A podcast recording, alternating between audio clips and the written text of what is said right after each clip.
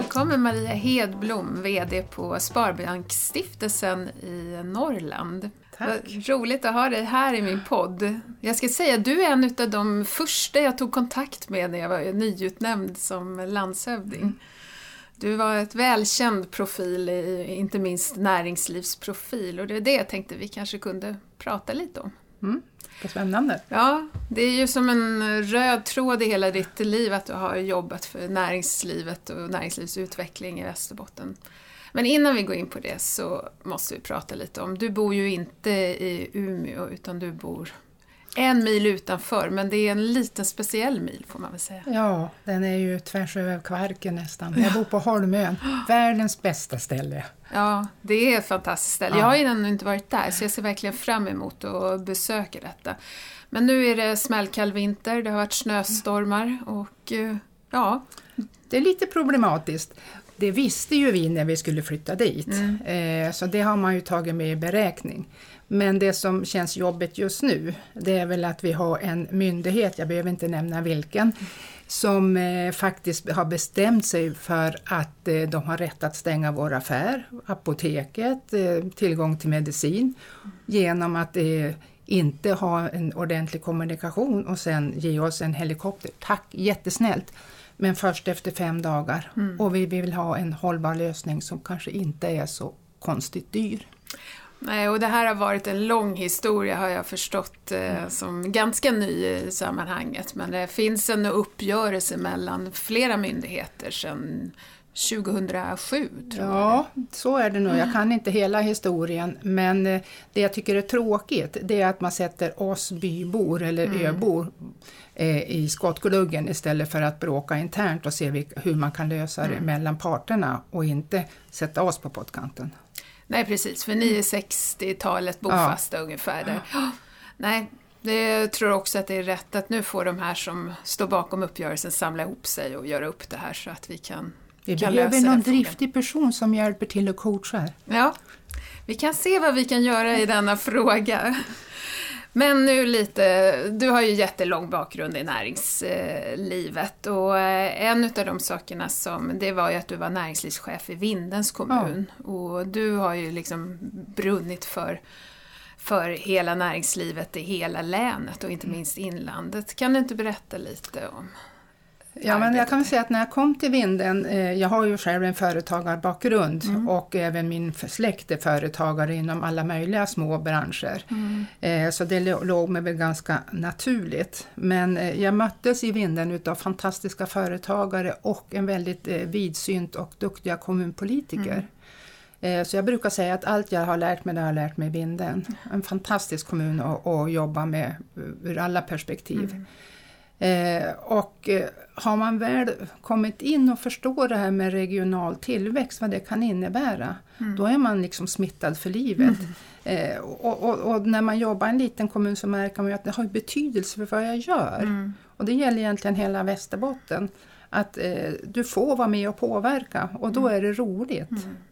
Jag ska säga, jag är ju grymt imponerad över det näringslivs klimat och framförallt entreprenörskapsanda som finns i hela Västerbotten. Det är ju många som är sysselsatta inom egna företag. Men, men jag ska säga, jag hann ju göra ett kommunbesök i Vinden innan, innan det andra vågen av pandemin kom. Och jag kände precis samma sak, vilket fantastiskt näringsliv det är i den kommunen. Men det är det ju lite överallt i Västerbotten. Ja, jag tycker att det är gott om duktiga företagare och vi har många olika branscher och jag tycker också att det var väldigt spännande när vi då, vi kommer att ta upp det sen, men när vi jobbade med det här det 4K, att hitta i alla branscher, att det är så otroligt intressant.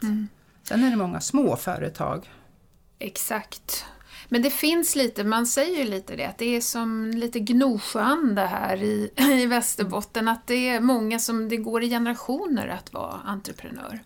Så tror jag. Jag tror att, att eh, vi är väldigt lik varann eh, på många sätt och vis. Bägge, bägge länen eller bägge, bägge områdena. Och det har väl kanske att göra med att man har varit tvungen att hitta lösningar för sig själv, för sin egen överlevnad. Och sen kanske också det här med att vi inte är så rädda för överheten utan att eh, vi kämpar på och mm. vi, vi vet att vi kan. Ja, och det kan ni verkligen. Ja. Jag var ju inne lite på det här 4K, vi ska prata lite mer om det just med kvinnor och mm. företagande. Men var det redan så när du var näringslivschef i Vinden att du funderade mycket kring det här med kvinnors företagande? Och... Ja, jag lärde mig väl det där. Mm. Jag kan ju säga att jag är ju en sån där som har alltid umgåtts med män och pojkar. Mm. Jag har varit en pojkflicka i hela mitt liv mm. och eh, fyra döttrar i familjen. Så jag är den enda pojken de fick. Eh, men, men när jag kom till Vindeln och började jobba med, med eh, näringslivet där så insåg jag ju att jag är ju okunnig totalt när det gäller jämställdhet. Mm. Alltså det är ju en sak att vara den här pojkflickan och få all syn, alla ser dig och du är så duktig. Men, men att ha kunskapen och då gick vi faktiskt en väldigt bra utbildning i makt och kön hette den, mm. via Umeå universitet. Sju och en halv poängs kurs. Mm. Och det gjorde att jag fick en helt annan syn och ett helt annat sätt att jobba. Så att idag anser jag att alla borde få gå den. Den borde vara lag på att gå en jämställdhetsutbildning. Ja, vad spännande. Kan du inte säga någonting sådär liksom som specifikt du minns ifrån det här som ändrade din syn eller som var viktigt med in i, för du har ju varit i ganska mansdominerande ja. branscher sen kan man ja, säga. Ja, och är väl delvis fortfarande mm. egentligen. Nej men ett är ju att förstå att, att eh, det måste vara ett visst antal personer ur den underliggande, eller de som är färre då, som måste komma in för att det ska bli en skillnad. Mm. Är du ensam som är någonting, ja men då, då är det ju är ju du norr, eller det är ju mm. typiskt kvinnor, mm. typiskt mörka, typiskt mm. vad du än nu kommer med. Mm. Så att då blir ju du en symbol för det. Är man många så blir man ju en mera i mängden. Mm. Det andra som jag upplevde också och förstod det är ju att om du har makt, då, om, om man tar landshövdingen då, till exempel, då tänker man inte kön, utan då tänker man makt. Mm. Och, och, det är också en, en, någonting att fundera på, vad kan jag då göra? Och jag hade ju på sätt och vis makt och uppmärksamhet i vinden och då blir det ju otroligt viktigt hur jag uttrycker mig. Mm. Jag kunde säga jättedumma saker mm. därför att jag inte fattade bättre eller jag var lite rolig och mm. gick i den manliga jargongen. Mm så har jag fått lov att ändra på. Ja, det är som du säger, man önskar nästan att alla fick gå de här kurserna eller utbildningarna just för att reflektera över sitt eget beteende mm. också, vad man gör, men också vad som krävs. För jag kan tänka mig just det där att som du säger, om du kommer ensam in som underrepresenterad, då, då blir du liksom en grupp eller en mm. symbol och mm. du syns inte dina individuella förtecken mm. som du har. Och det är det som ja, jag upplever när jag har träffat många kvinnor som företagare, att de tycker inte om att bli utpekade som att du är kvinna, utan de vill ju vara individer som alla andra. Ja, och jag brukade skoja när jag pratade om det, jag föreläste ibland och så sa jag att mm. jag är onormal. Varför det? Jo, men jag är ju onorm. Ja. Då blir jag ju onormal. Mm. Och då blir jag ju utpekad eller utmärkt på ett helt annat sätt och synliggjord på ett sätt för någonting som jag kanske inte är det jag vill synliggöra.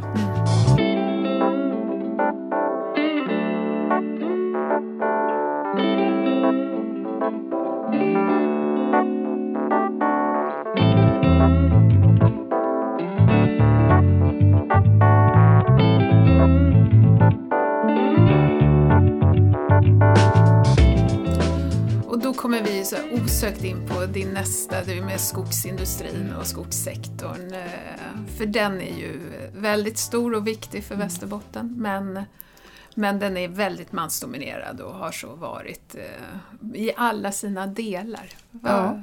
vad upplevde du när du kom in i den?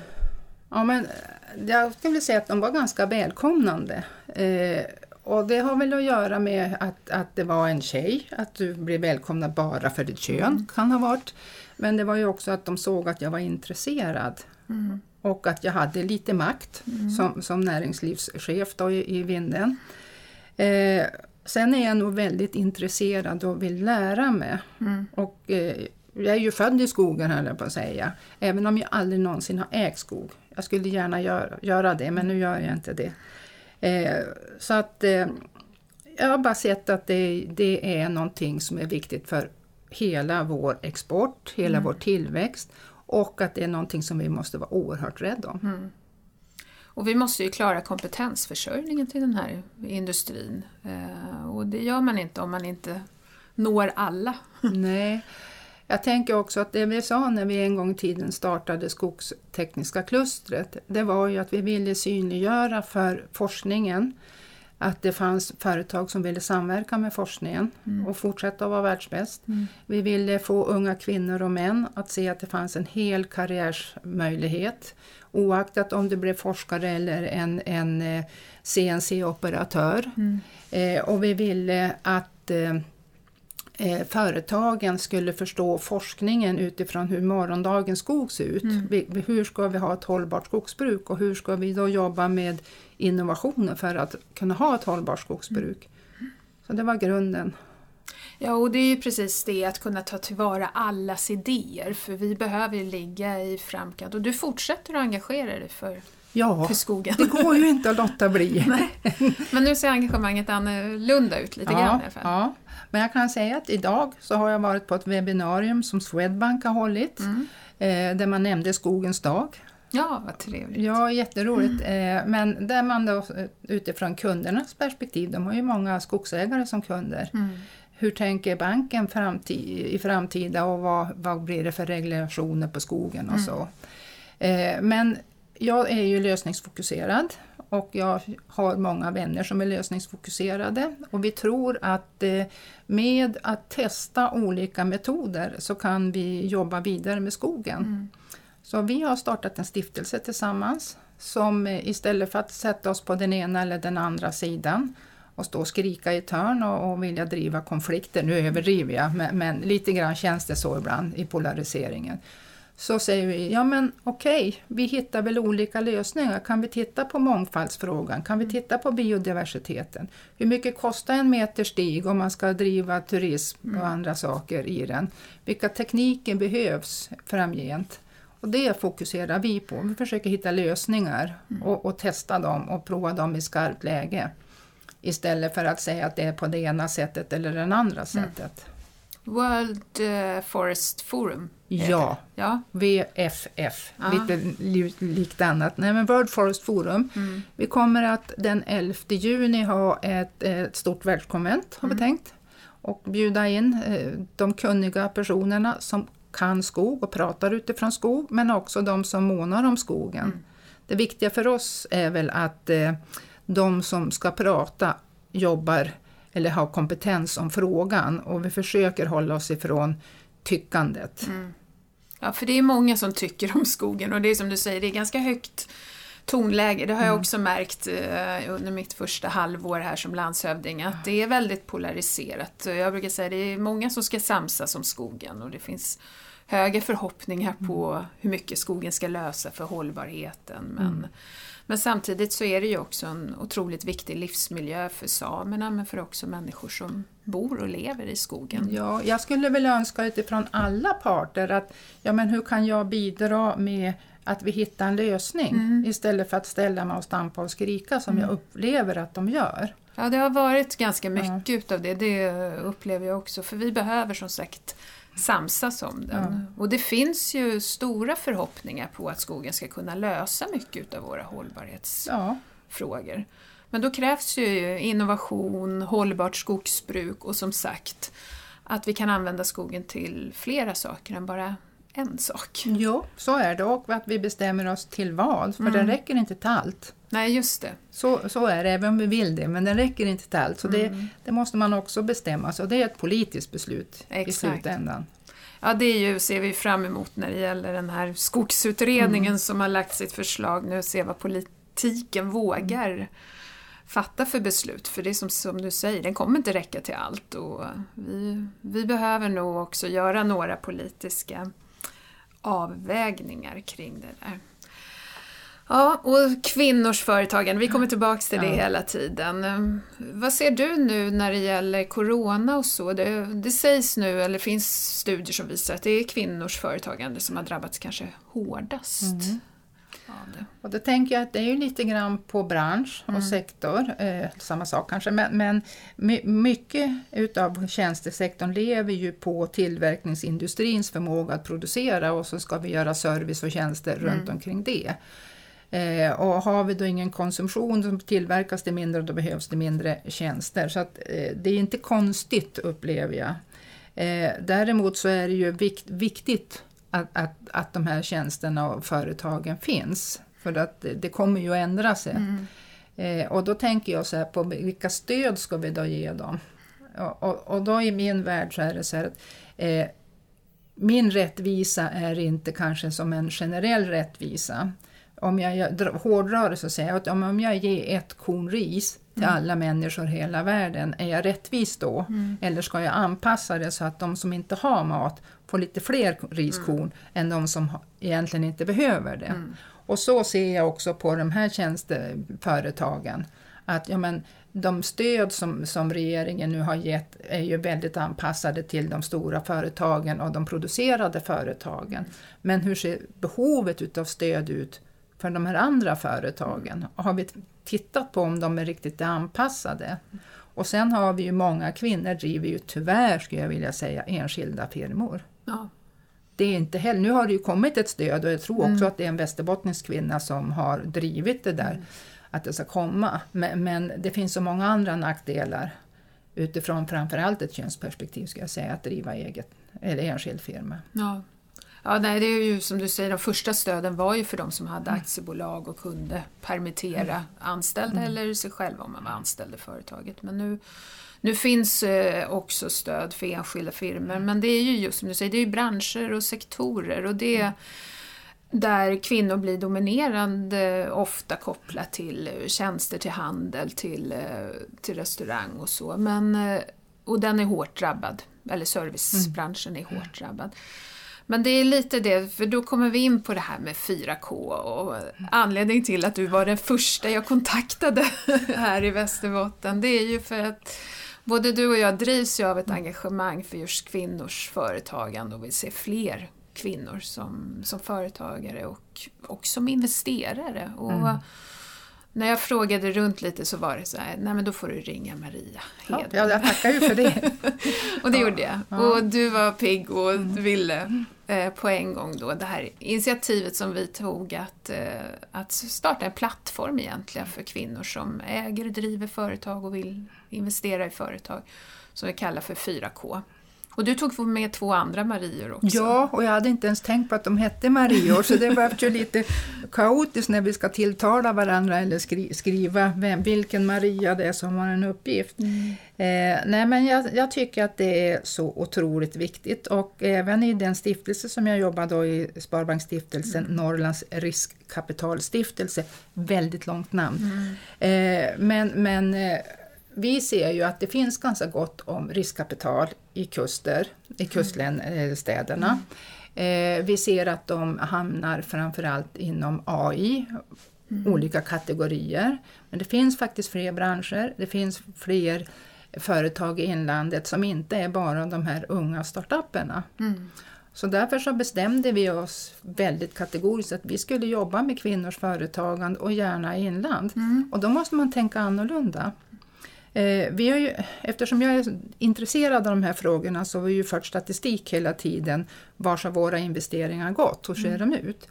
Och då kan jag ju se att, att de som söker kapital hos oss, en tredjedel av dem är kvinnor, mm. resten är män. Men procent, procentuellt utifrån bägge kategorierna så är det lika många som får. Mm. Men varför är det bara så få kvinnor som söker? Och då måste ju vi fundera på hur synliggör vi oss gentemot den målgruppen. Jag tror ju att vi är så könsmärkta hela tiden mm. att, att vi tänker att den ska se ut på ett visst mm. vis. När vi, I vår marknadsföring, hur vi tilltalar och vilka branscher vi har satsat mm. i och så vidare. Så därför så attraherar man inte den, den kategorin. Mm. Och jag har ju själv varit företagare så jag mm. vet ju hur svårt det har varit att få pengar eller att få banken att lita på en och hur de har bara skakat på huvudet åt den. Ja, och framförallt då kanske om man inte har varit inom det som räknas som traditionella ja. eh, branscher som kvinnor kan då mm. som man tänker sig utifrån att vi har en väldigt könsuppdelad arbetsmarknad.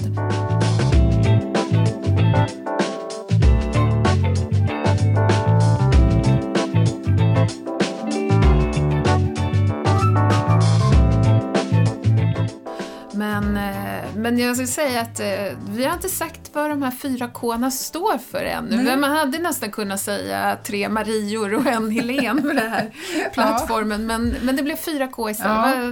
Nej, men vi satt och tänkte och eh, vi ville inte att det ordet kvinna skulle vara med. Det var vi tydliga med. Eh, men vi sa kapital. Det är viktigt med kapital och investeringar och hur man får kapital. Vi sa kunder. Hur hittar man sina kunder och fördjupa den eh, kunskapen?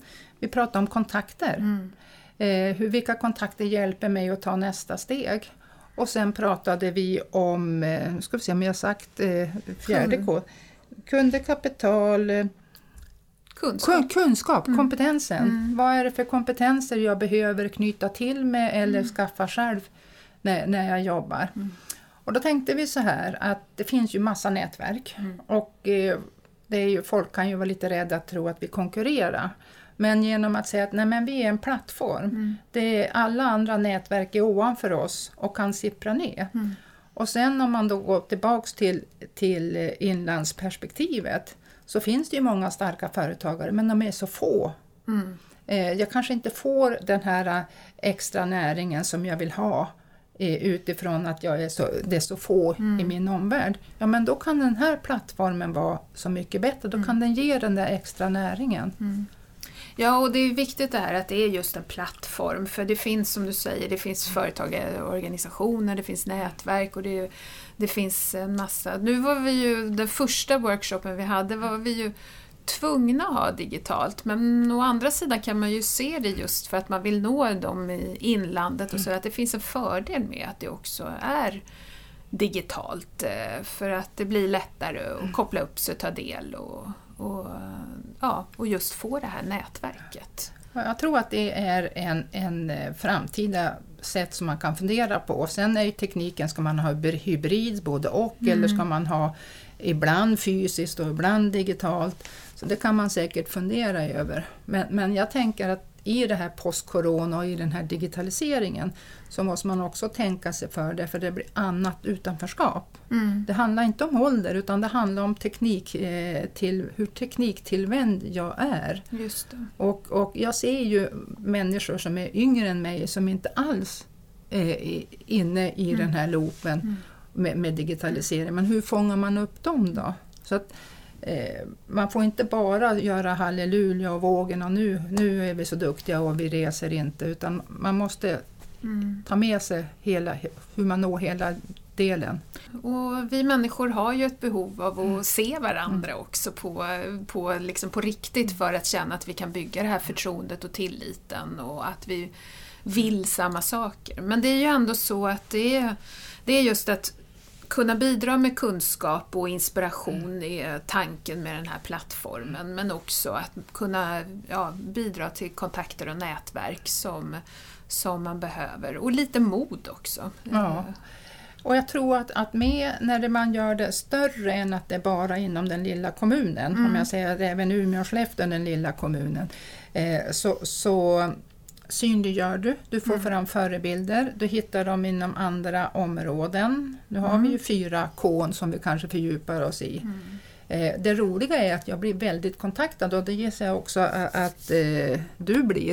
Eh, där folk ringer och säger att får jag vara med? Eller vår organisation vill vara med. Vad roligt att ni gör det. Vi blev ju inbjudna här till, till vad heter de, Näringsliv i samverkan, Just det. Umeåregionens kommuner till frukostmöte. Så att, eh, det är nog stora förväntningar på oss. Ja, nu ska vi se till att leva upp till det, men det tror jag är säkert. Vi har många duktiga personer med och jag tyckte det var spännande just att se på det här första kvinnor som eh, kom från lite andra branscher än, eh, för det tror jag är viktigt att synliggöra som du säger.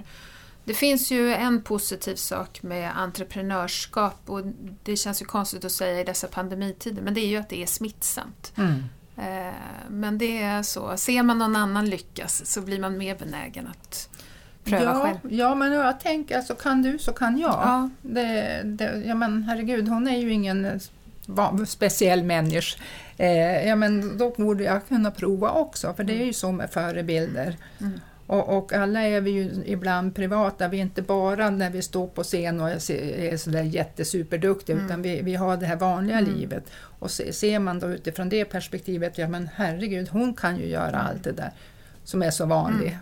Ja men då kanske jag också kan. Ja, precis. Och det kan man eh, mm. oftast med lite stöd och, eh, och med lite hjälp. Eh, och framförallt med ett stort nätverk så kan man lyckas i det. Jag ser verkligen fram emot att jobba med de här frågorna. Mm. Och en del som är också kopplat till ditt vanliga jobb, då man säger, det är just det här med investeringar du var inne lite på det, att det är lite speciellt för kvinnor. Jag, när jag blev engagerad i den här frågan när jag satt i näringsutskottet så var det för Almi visade upp sina siffror att de klarade inte ens sina jämställdhetsmål när det gällde att eh, investera och stötta med kapital i, i kvinnors företagande. Mm. Och eh, där behöver vi ju göra mer, men vi vill ju också se fler kvinnor som är investerare. Yes. Mm. Och, det, och då krävs det någonting mer här för att man ska våga ta det, steget. Ja, och jag tror att det är många som vill men de mm. vågar inte ta steget ut och det tyckte jag vi märkte också mm. i den här workshopen att Åh, ja, men jag kan vara med i någon sån här liten fond. Kan vi starta en, en, en kvinnofond som inte är jättestor men bara så att jag får börja prova mm. lite? Ja, det var många spännande ja. idéer mm. som väcktes där. Mm. Jag ser fram emot att se hur det här kan utvecklas. Ja, som sagt, du är en riktig Västerbottenprofil och är född och uppvuxen i detta län också och bor här nu.